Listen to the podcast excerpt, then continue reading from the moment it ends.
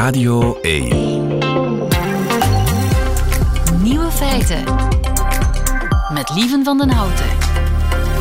Dag en welkom bij de podcast van Nieuwe Feiten van 3 maart 2023. In het nieuws vandaag dat uitwaaien misschien wel het mooiste niet-Engelse woord is. Want Merriam-Webster, de Amerikaanse vandalen zeg maar, vroeg op Twitter naar de mooiste niet-Engelse woorden die geen vertaling in het Engels hebben. En mensen van over de hele wereld sturen suggesties uit hun taal in. Zoals het Arabische woord soubiye. Dat is het moment aan het begin van de dag dat je de enige in huis bent die wakker is en die in stilte van een koffie kan genieten. Soubiye. Ik spreek het ongetwijfeld verkeerd uit, maar het is Arabisch. Uit Spanje komt het woord sobremesa, het moment na de maaltijd dat je aan tafel blijft zitten om gezellig te keuvelen met je geliefden. Japan nomineert tsundoku, ofwel meer boeken kopen dan je kunt lezen. En ja, er kwam ook een Nederlandse suggestie, met name uitwaaien. Hoewel volgens mij bondscoach Louis van Gaal van Nederland dat in feilloos Engels kan vertalen.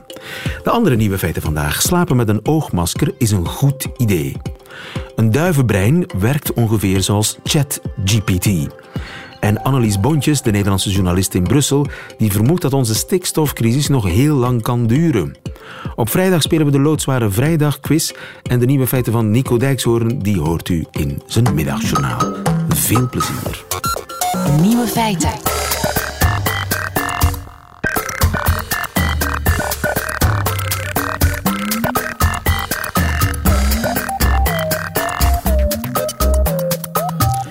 Slaapt u met een uh, oogmasker op? Wel, dan bent u goed bezig. Inge de Klerk, goedemiddag. Goedemiddag, dag lieven. Je bent neurologe en slaapexpert van het UZ in Antwerpen en ook auteur van het boek Slaapwijzer.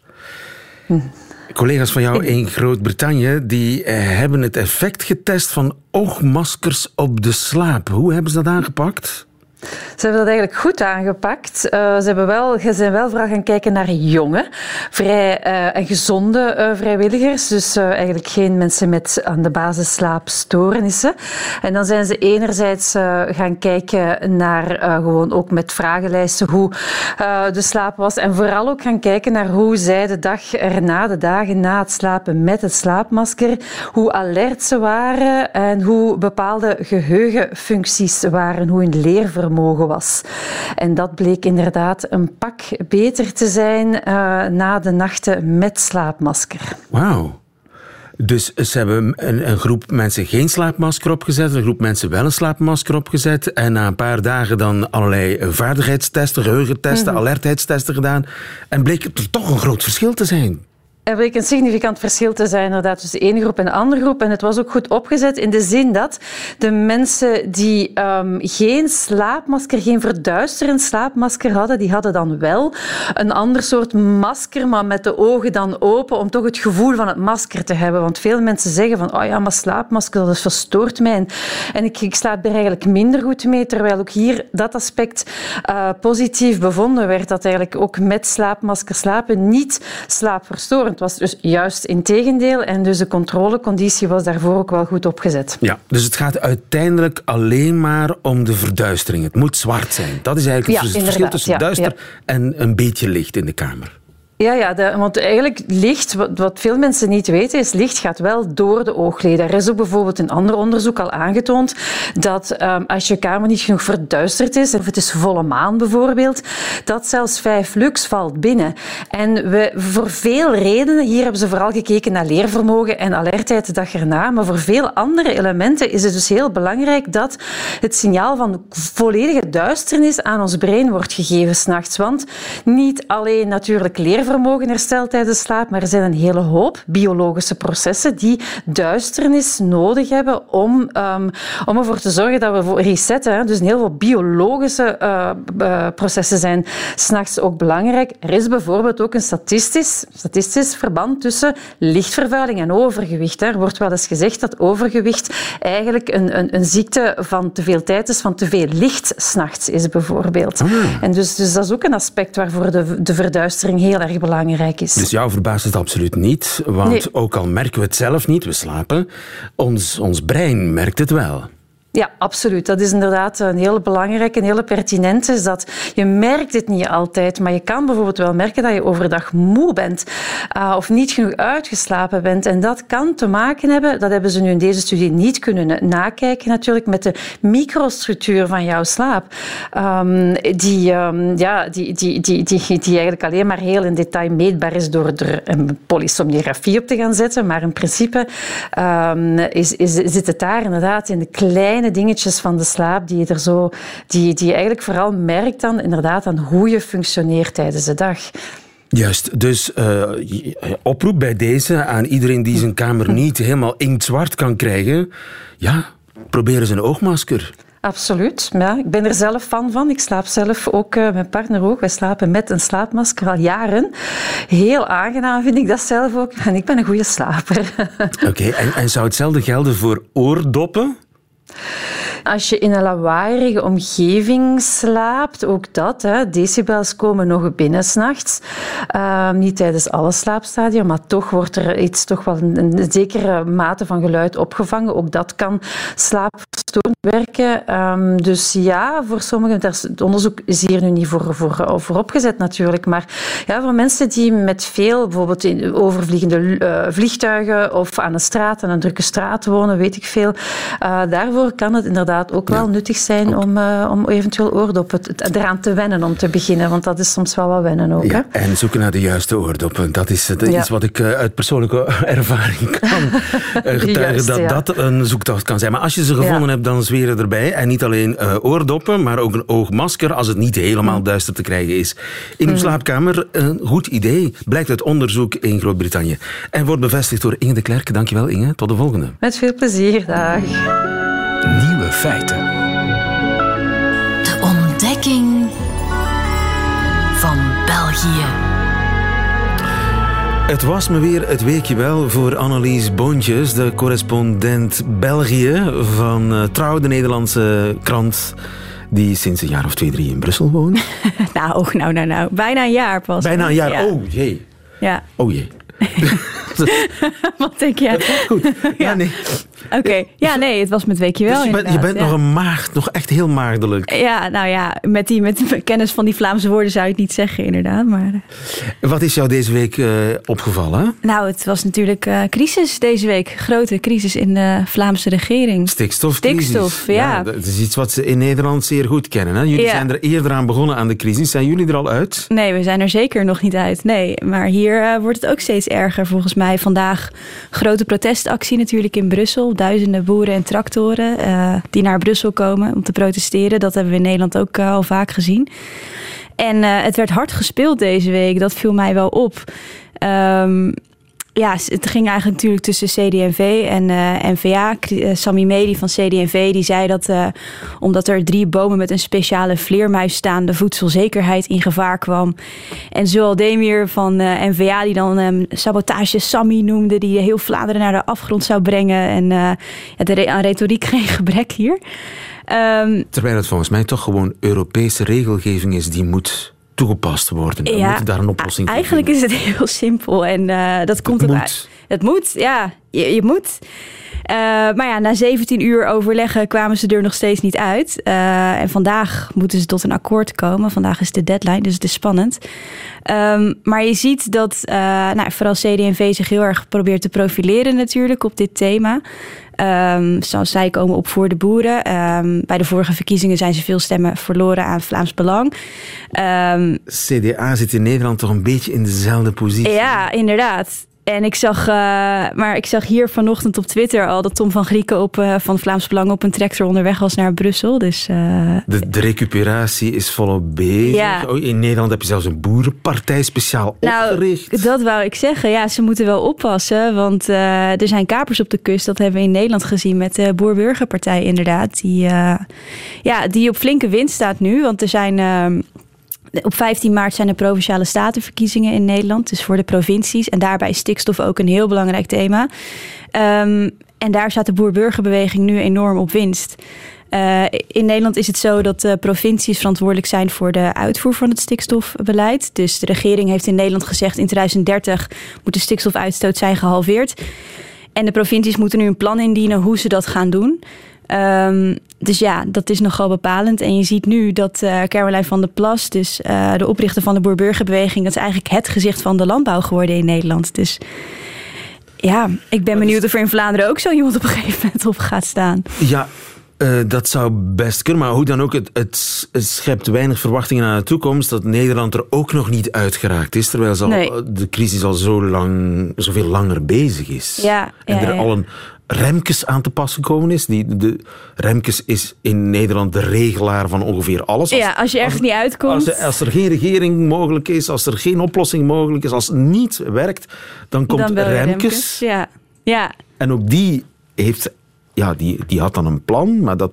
Is met iedereen om tafel gaan zitten. Ja, nu, ja, de nieuwe deadline nu in Nederland waar iedereen weer naar uitkijkt... is dus 1 juli, als die plannen van de provincies uh, ingediend moeten zijn... hoe ze het gaan doen. En het is dus ook heel spannend wat er straks bij de Provinciale Staten gebeurt. Want uh, de provincies zijn ook verantwoordelijk voor uh, de Eerste Kamer... En de Eerste Kamer in Nederland stemt weer voor of tegen wetsvoorstellen. Dus als straks de boer-burgerbeweging heel groot wordt, uh, dan is het, wordt het best moeilijk voor de regering om dat stikstofbeleid er doorheen te krijgen. Dus in Nederland is er ook nog volop van alles in beweging hier. Ja. Interessant. Ja, nogal. Ja, ja. En bij ons kan de Vlaamse regering niet vallen. Nou, daar ben ik dus deze week ook achter gekomen. Ja, ja, dat, ja, ja, ja sorry. Ja. Oh, dat, was ja. voor, dat is voor jou een, een evidentie, maar voor nee, mij nee, niet. dat is ooit zo geregeld. ja, ongelooflijk. Ja, dus ze moeten er anders denk ik, Anders denk ik al dat die verkiezingen moeten samenvallen. Hè? Als, als de ene regering... Uh, als de Vlaamse regering valt en de federale niet, ja, wat moet, hoe moet dat dan met verkiezingen en zo? Ja. Dus dat is op de, op de een of andere manier zo samen. Ja, ja, ja.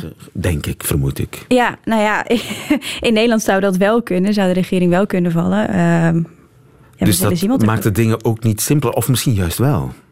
Uh, nou ja, de enige optie die ze hier hebben is dus een nieuwe meerderheid vinden dan met, met de huidige partijen. Maar dat is nog nooit gebeurd in Vlaanderen. En als ik kijk naar de huidige samenstelling, is dat ook niet voor de hand liggend, lijkt me. Dus ik denk dat er gewoon behoefte is aan een Vlaamse Caroline van der Plas. Dat, uh, die, die het wel even naar zich toe gaat trekken. Ja, maar dat is dan een nieuwe partij. Maar Ja. in Nederland is dat ietsje simpeler met die kiesdrempel die nauwelijks bestaat Dat dan, eh, dan ja. in, eh, in België.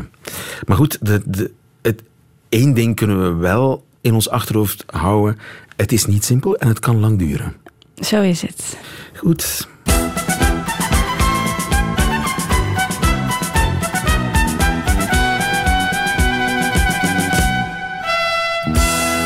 Examen Vlaams. Wel simpel.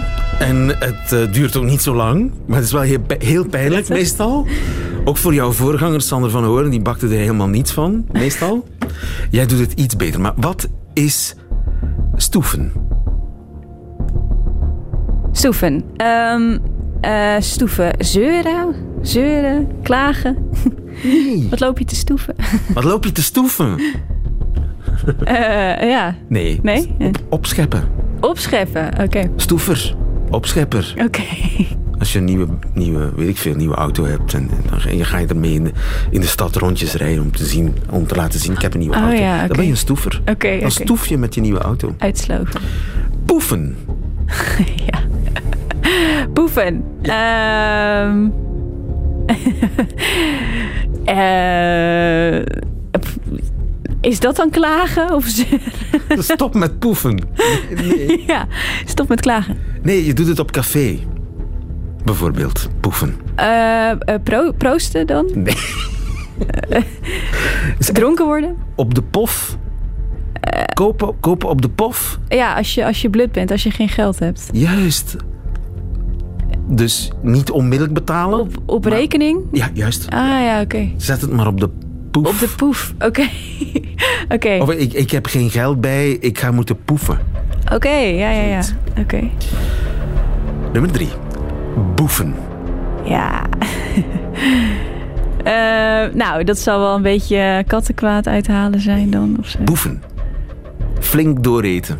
Boefen. Oh. Hij staat te boefen. Dooreten. Vreten, echt vreten. Boefen. Oké. Okay. en doen we nog een laatste. Boefer. Ja. En dan niet iemand die flink dooreet, maar nog iets anders. Want een boefer, een, een boefer, dat is... Maar eigenlijk is een boefer iets heel specifieks. Uh, uh, Het is een, een soort ja, bezigheid. Een, een, nee, een beroep zelfs. Een beroep zelfs, oké. Een, eh ja, het heeft dus niks met eten te maken dan. Ehm, misschien is het wel een flik, iemand die de boeven vangt. Het is geen flik, maar het is een, een eh, beroepsmilitair. Oké, oké. Het is een militair boever. Oké, oké. Een milicien. Heel gek woord. Ja. Ja, veel geleerd hè. Bo- boever, Ja. boeven, poeven en Ja, ik stoeven. bakte er echt niks van deze week. Nieuwe feiten.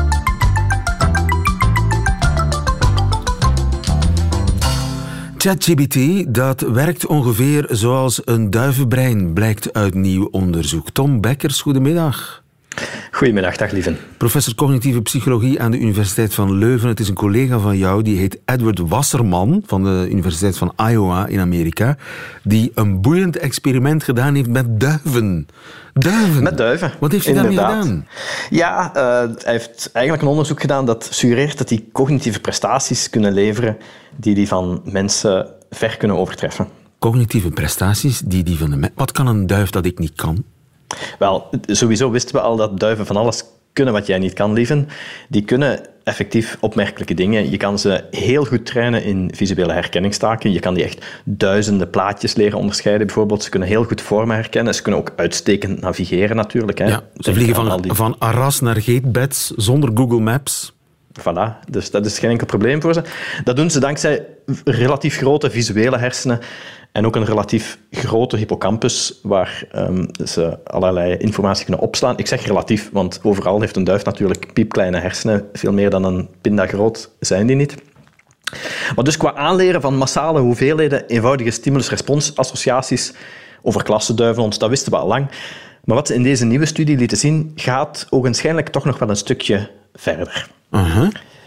De duiven kregen eigenlijk altijd rondjes te zien met evenwijdige lijntjes erop. En ze moesten leren bij welke van die rondjes ze links moesten pikken en bij welke rechts, afhankelijk van hoe die lijntjes er precies uitzagen. Aha. Dat waren allemaal evenwijdige lijntjes, maar die konden op twee dimensies variëren, de dikte van die lijntjes en hun oriëntatie.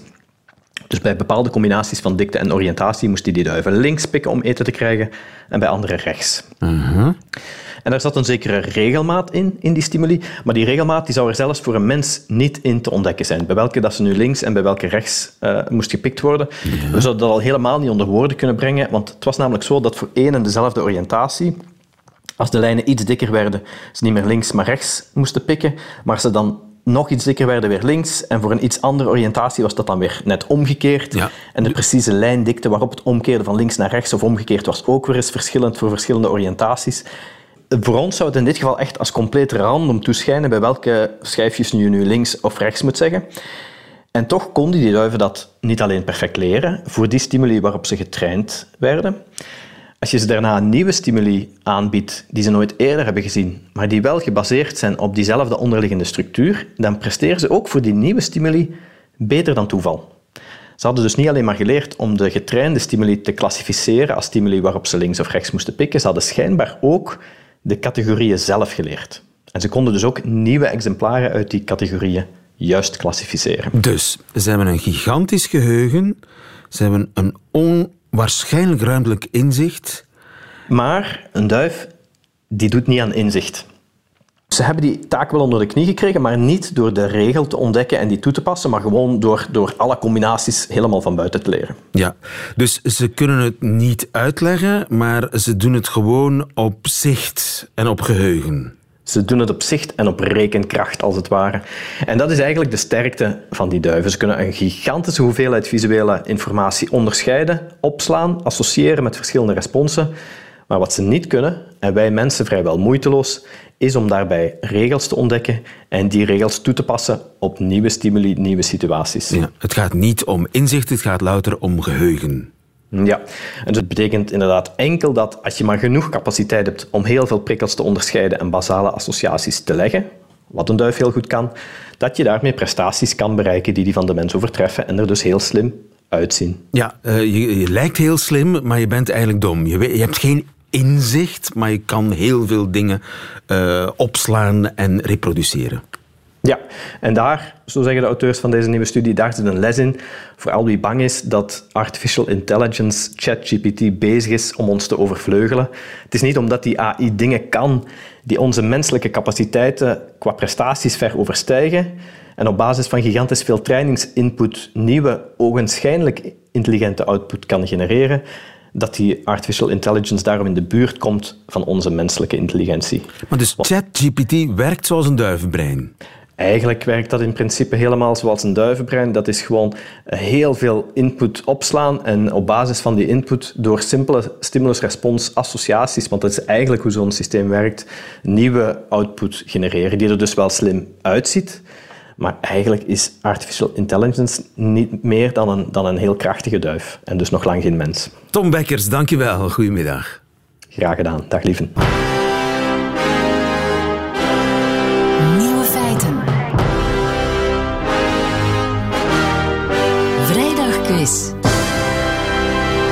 Samengesteld en gejureerd door uh, Gilles Wijkmans. Goedemiddag, Gilles. Hallo. Je hebt weer een medogeloze vrijdagquiz samengesteld. We spelen voor een boekenbon van 25 euro, die verzilverd kan worden bij een uh, onafhankelijke boekhandelaar aangesloten bij Confituur. En we spelen met Janice. Goedemiddag, Janice. Goedemiddag, hallo. Janice uit Kortrijk. Wat studeer je, Janice? Ingenieur-architect in Gent. Ingenieur-architect in Gent. Wat, wat, wat is je lievelingsgebouw? Mijn lievelingsgebouw? Of architect? Waar hou je van? Goh, uh, ik vind Robrecht en Dam wel nog uh, mooi gebouw. Robrecht en Dam, goede keuze. Stijlvol, Janice. Je speelt tegen Johan. Goedemiddag, Johan. Goedemiddag. Johan, waar was jij mee bezig? Uh, ik ben onderweg naar Waregem. Dat is ook goed, dat is, geeft toch niks? Nee, en, wat, ik was een boterhammetje aan het eten. Dus... Een boterhammetje aan het eten. En wat moet je doen, wat moet, je doen in Waregem? Uh, ik moet uh, bodems gaan lossen voor machines op te zetten. Je bent vrachtwagenchauffeur? Jawel. Uh, en, bodems om machines op te zetten? Ja, houten bodems. Wow, ja, in Waregem daar zijn ze zeer industrieel, hè? Daar weten, ja, ze, weten ze wat werken is in Waregem. Johan, uh, tussen de broodjes door. Uh, ik ga jullie kennis testen van uh, vier nieuwe feiten. Uh, ik begin bij Janice, want zij heeft zich het eerste gemeld. En zolang ze juist antwoordt, blijft aan de beurt. Bij een fout antwoord gaat de beurt naar Johan. En wie het laatste nieuwe feit goed kent, die wint deze quiz. We gaan eraan beginnen. Voilà. Janis, wat stellen Franse wetenschappers voor om de volgende klimaattop vlotter te laten verlopen? A. Tijdens de receptie eten alle onderhandelaars chips, chips uit dezelfde kom. B. Alle onderhandelaars brengen mee een teddybeer. C. Wereldleiders moeten een uur tuinieren voor ze naar de top gaan. Klinkt voor mij alle drie even krankzinnig, maar één van de drie is waar. Um, ik zou zeggen A. Fout! Johan, wat denk ik je? Ik ga voor C. Je gaat voor C. Fout! Nee. Je dacht dat wereldleiders een uur zouden moeten tuinieren voor ze naar de top gaan. Nee, dat is toch een mooi ding? Nee, inderdaad. Maar nee hoor, ze moeten een teddybeer... Enfin, althans, dat Franse voorstel. Dat is, dat is wat die Franse onderzoekers zeggen. Een teddybeer meenemen. Ja, want we weten dat, dat, dat zal helpen. Ja, teddyberen zijn natuurlijk zeer troostend voor kinderen. Maar of dat ook voor volwassenen geldt en wat dan een teddybeer troostend maakt, dat wisten we eigenlijk nog niet. Dus die Franse onderzoekers hebben dan een, uh, een hele reeks mensen bevraagd over wat vind je zo leuk aan een teddybeer en troost het jou en noem maar op. En dan bleek dat ook volwassenen getroost kunnen worden door een teddybeer en dat het ook voor volwassenen rustgevend is. En dat wat een teddybeer zo troostend maakt, vooral de geur is, lekker ruiken, hoe zacht die is, natuurlijk, en ook de grootte. Grotere teddyberen zijn nog troostender. Dus zeggen ze, om die onderhandelaars goed rustig aan de tafel te krijgen, neem een teddybeer mee. Ik begrijp het volledig. Ik wil ook een teddybeer in de studio. Wil jij mijn teddybeer zijn? Ik, we gaan er geen kopen. ik ben niet zo zacht. Wow. Dat valt uit te testen. Vraag 2. ik ga terug naar Janis. Wat kan volgens Amerikaanse onderzoek goed zijn voor uw relatie? A. Naar blote filmpjes kijken van andere mensen. B. Een tandem kopen. Een fiets, een tandemfiets. C. Nooit samen op vakantie gaan. Ehm, B, met de tandem, denk ik. Fout. Johan, wat denk jij? Maar ik ga voor C. Je gaat voor C. Heel gedecideerd, maar helaas fout. Naar blote filmpjes kijken van andere mensen. Ja. Gilles. Het helpt uw relatie. Ja, het zijn Het is eigen onderzoek. Nee, nee, nee, nee, nee, want het gaat over OnlyFans en ik heb geen eh, OnlyFans-account.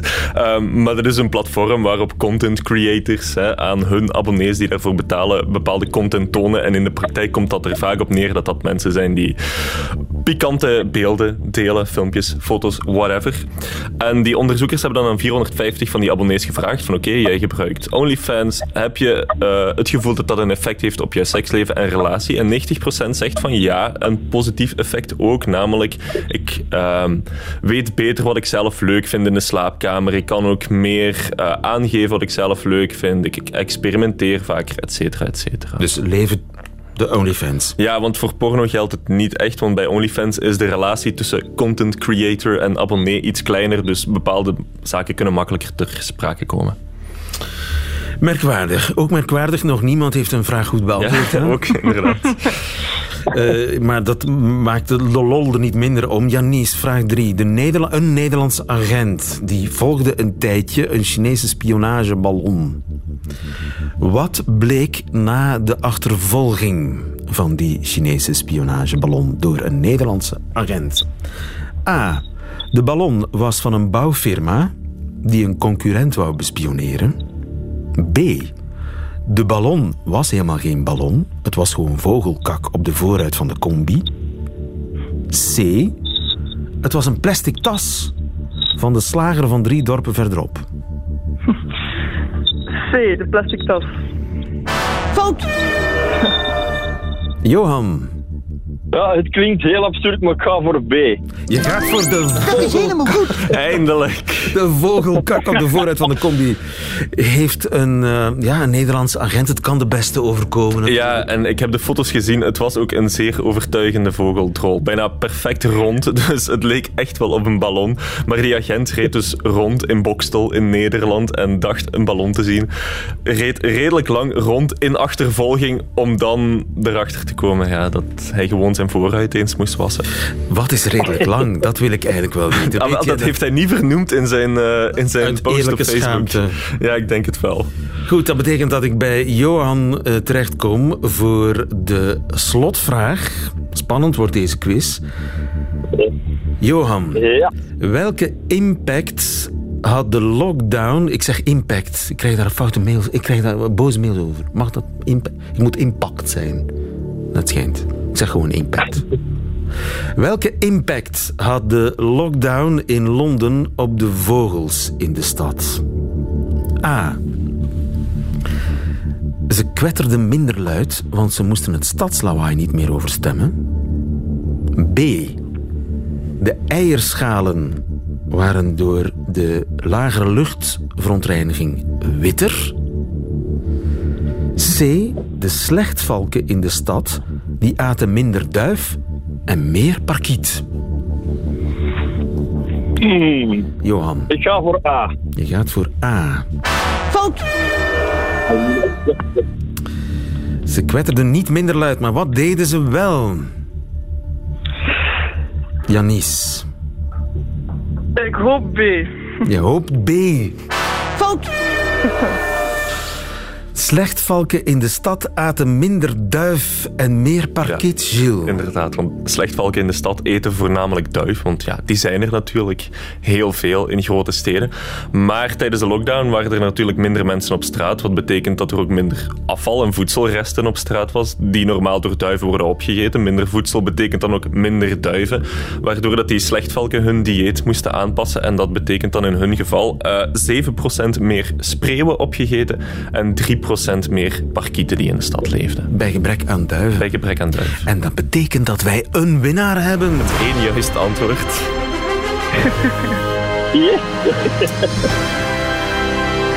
Johan van der Zande uit eh, De Kempen zal met een brede glimlach aankomen in Waregem, want hij is een boekenbon rijker gefeliciteerd. Johan, sorry Janis. Geen probleem. Dank Eh, Johan, weet je al welk boek je gaat kopen met je 25 euro? Ik geen flauw idee. Maar ik denk dat het iets gaat zijn over de geschiedenis van Wereldoorlog 2. De geschiedenis van Wereldoorlog 2, dat is jouw, eh, jouw interesse? Ja, dat is mijn dat, dat zo, ja. Oké. Inderdaad. Goeie keuze. Ik wens je er heel veel plezier mee. Radio 1. Nieuwe feiten. Et voilà, dat waren ze, de nieuwe feiten van vrijdag 3 maart 2023. Alleen nog die van Nico Dijkshoorn, die krijgt u nu in zijn middagjournaal.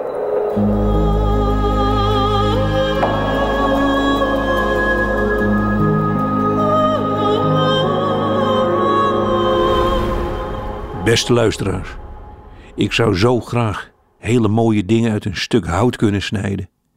En dan niet om het kunstwerk zelf, maar eigenlijk veel meer om de bewondering te incasseren. Houtsnijders die zitten vaak met hun rug tegen een muur midden op straat. Schilderen gebeurt ook wel eens een keer in de buitenlucht, maar dat voelt dan meteen heel overdreven aan.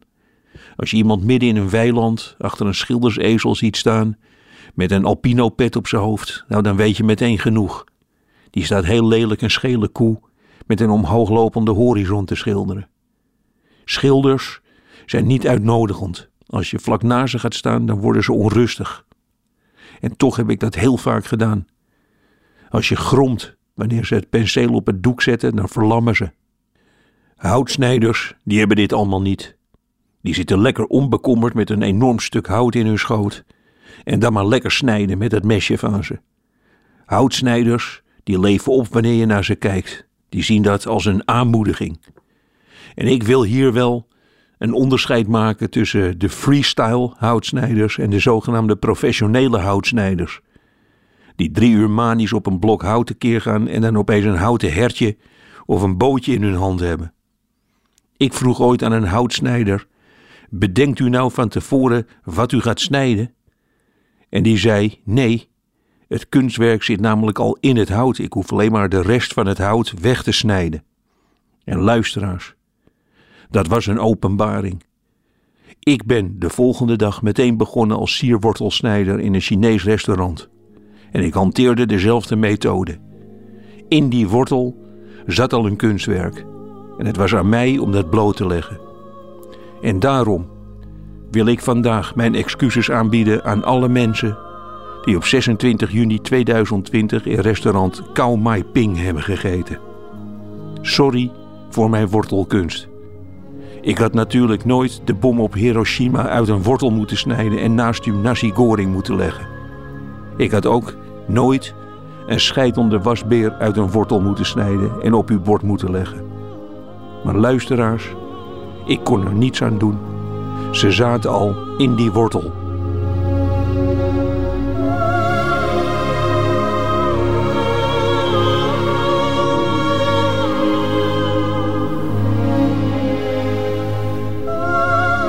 Korte carrière van Nico Dijkshoorn als sierwortelsnijder, hoewel hij er de juiste kop bij kan trekken. Einde van deze podcast van Nieuwe Feiten. Hoort u liever de volledige uitzending ervan? Dat kan natuurlijk live elke werkdag tussen 12 en 1 via Radio 1 of on demand via de website of app van Radio 1. Tot een volgende keer.